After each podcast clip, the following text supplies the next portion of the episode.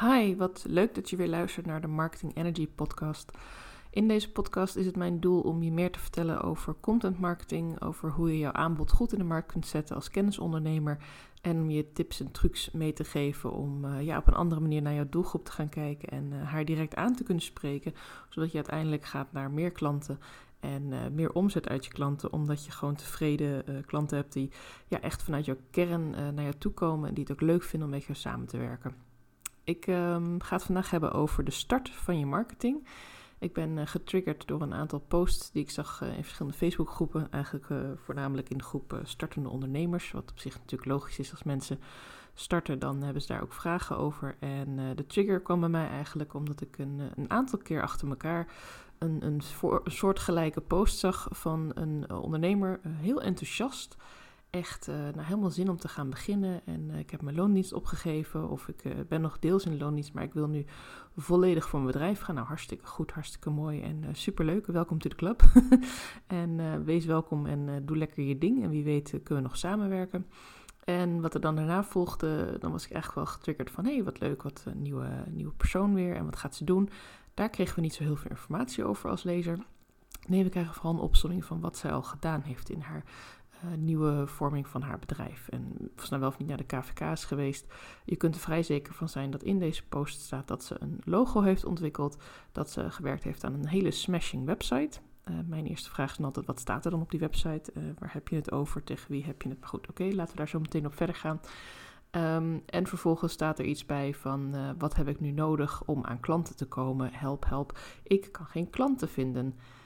Ja, je hebt een logo en een website. Ja, dan moet het wel lukken. Hè? Dat is toch wel de basis voor iedere onderneming, zou je zeggen. Ja, misschien klinkt het een beetje neerbuigend als ik het zo zeg. Maar goed, ik ben zelf ook uh, in uh, verschillende valkuilen gestapt in mijn eerste onderneming in 2018. Dus het is zeker niet bedoeld om iemand uh, terug te slaan of, of zeker niet neer te sabelen. Ik wil juist in deze podcast uh, positief kijken en juist een boost geven om als je wil starten met je onderneming of als je juist wil starten met je marketing of als je je marketing wil verbeteren, om te kijken waar je dan echt op moet inzoomen en waar je vanuit mag gaan. Maar ik ben dan toch benieuwd, waar komt dan het idee vandaan dat als je een nieuw product gaat lanceren of een nieuwe dienst, dat dat beter gaat met een logo, een catchphrase, een slogan, uh, een website, uh, WooCommerce geïnstalleerd, allerlei vragen daarover. Uh, maar je hebt geen eigen legal basis, want ja, je hebt nog geen klanten, dus je hebt nog niet ervaren dat je dat ook nodig hebt. je bent nog niet gaan netwerken, want je weet niet precies waar je heen wil, want je weet niet precies wie je doelgroep is.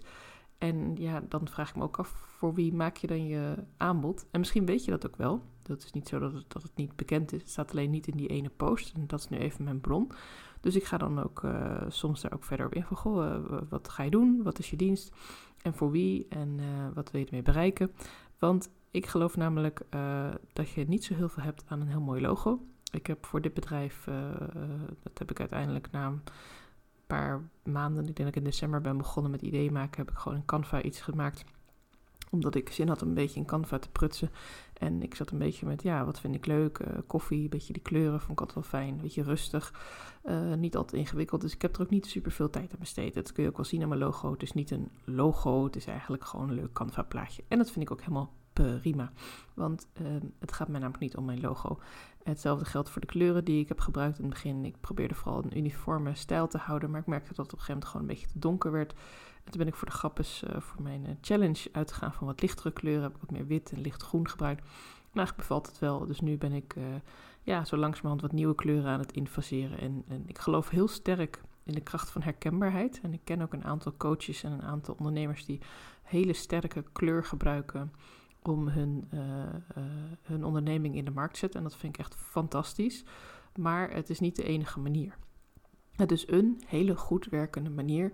En uh, het is zeker voor je herkenbaarheid heel prettig als je zelf type foto's hebt en als je ook zelf de kleurgebruik hebt. Maar als je net begint, en mijn bedrijf bestaat ook nog niet zo heel lang, dan is dat niet hetgene waar je in mag investeren. Dat zijn eigenlijk de vervolgstappen. Als je net begint, is het volgens mij vooral heel erg belangrijk dat je investeert in je content. Dat je investeert in je doelgroep leren kennen en in wat zij precies nodig heeft.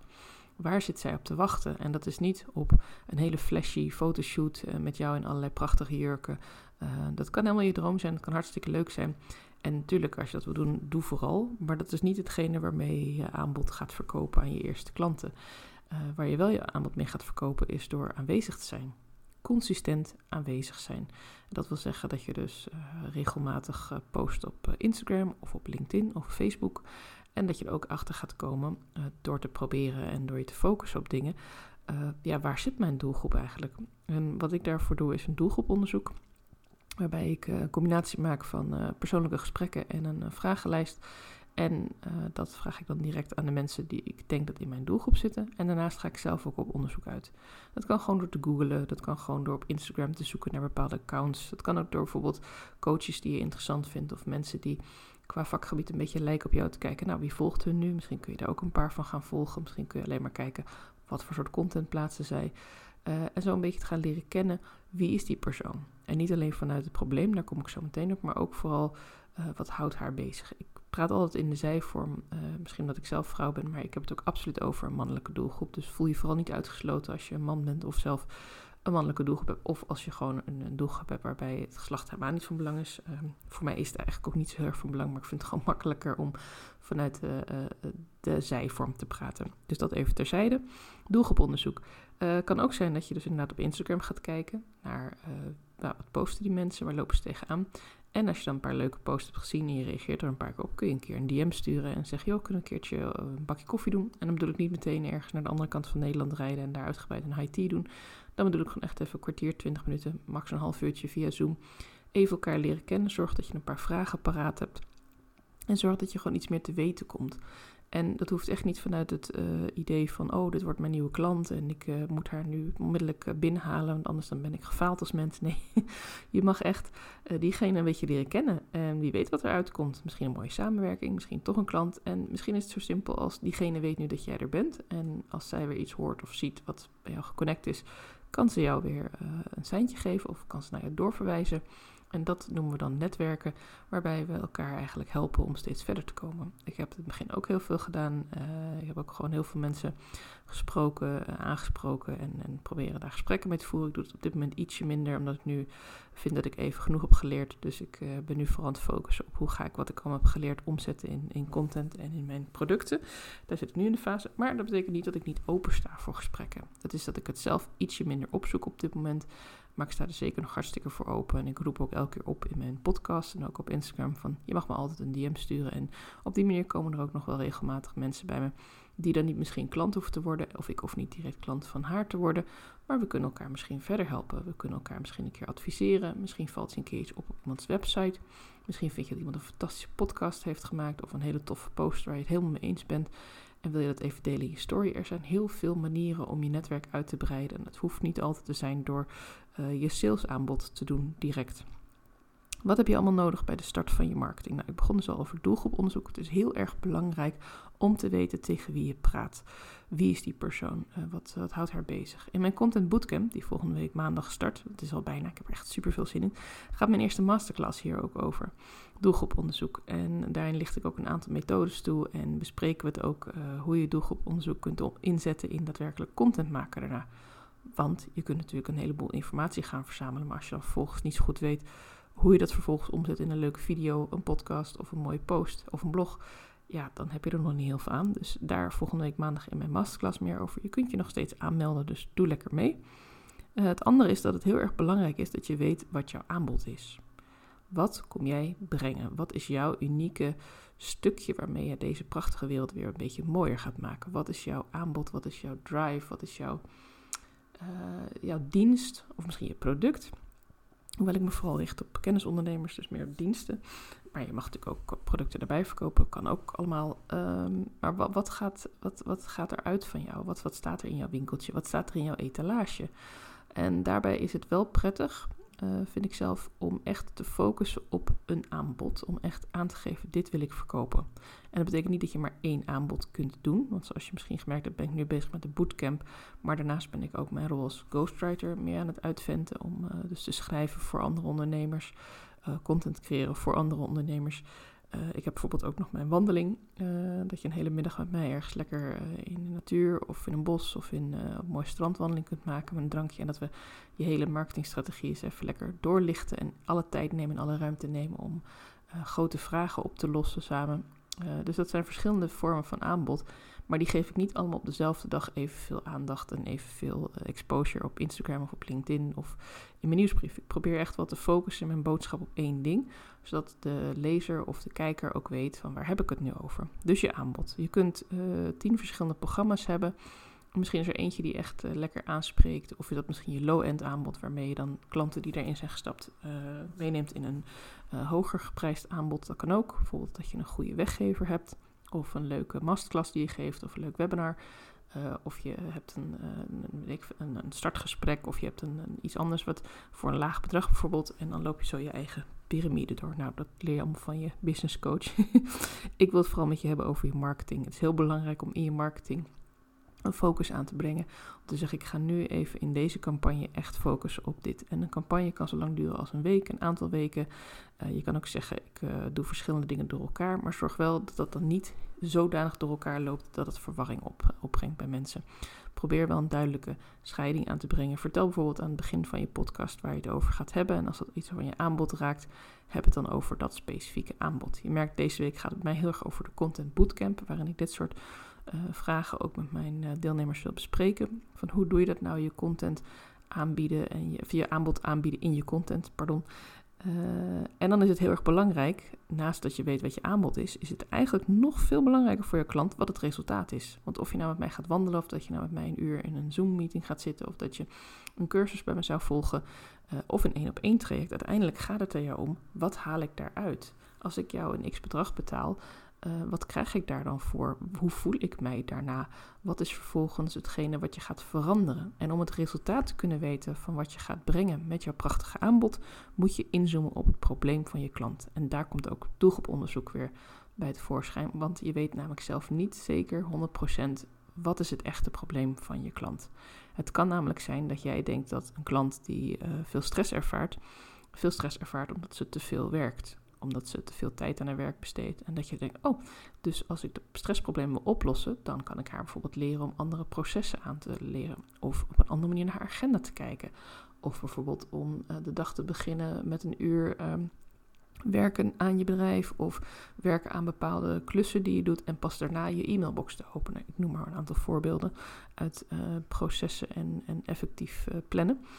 Um, maar stel nou dat jouw klant die stress niet zozeer ervaart van haar werk, maar dat het eigenlijk haar escape is. Stel nou dat ze eigenlijk zich verdringt in het werk omdat ze andere dingen helemaal niet leuk vindt of niet aan kan. Misschien uh, topt ze wel met dat ze overgewicht heeft. Misschien topt ze wel met dat ze slecht slaapt. Misschien drinkt ze veel te veel koffie.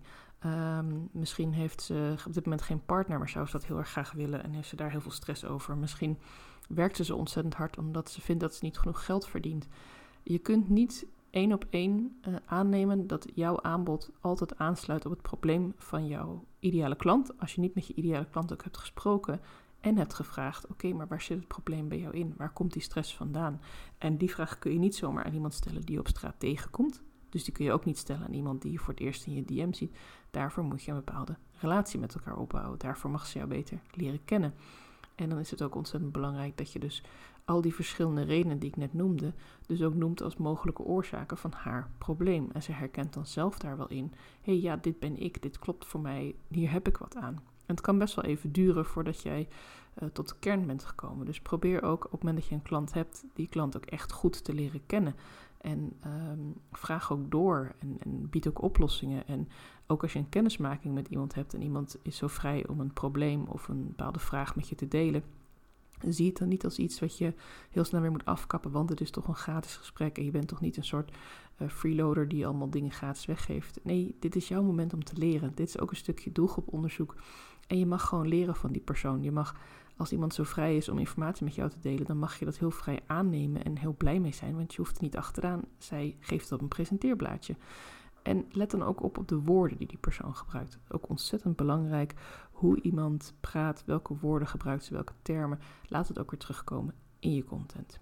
Nou, misschien ging dit een beetje allemaal heel erg snel voor je en zou je graag wat meer over willen weten. Nou, daarvoor ben ik er als content coach om jou te helpen. Uh, ik kan je bijvoorbeeld helpen met uh, het voorbereiden van video's of podcasts, waarin je echt veel makkelijker verbinding kunt maken met je ideale klant, omdat ze jou ziet of hoort of allebei. Uh, goede weggever ontzettend belangrijk, uh, omdat ze dan op een hele laagdrempelige manier jou beter kan leren kennen en je al een stukje van haar probleem kunt oplossen. Uh, en natuurlijk is het heel erg belangrijk om je doelgroep te leren kennen en te weten tegen wie je het hebt. Past je aanbod daarbij en hoe lost dat het probleem op van jouw klant? Wat is het probleem van je klant en wat is het resultaat wat zij gaat behalen? Als laatste wil ik je nog meegeven, als je start met marketing is het ontzettend belangrijk, net als wanneer je al tien jaar bezig bent, om consistent aanwezig te zijn. Dat betekent niet dat je een dagelijkse podcast moet hebben of een dagelijkse post op Instagram, maar het betekent wel dat je heel regelmatig terug blijft komen. En zeker als je nog niet zoveel volgers hebt, zeker als je nog net begint en iedereen je nog een beetje mag leren kennen, uh, probeer gewoon dingen uit. Ga een keer uh, een doe een keer een oproepje of iemand met jou een podcast interview wil doen uh, of een live samen doen.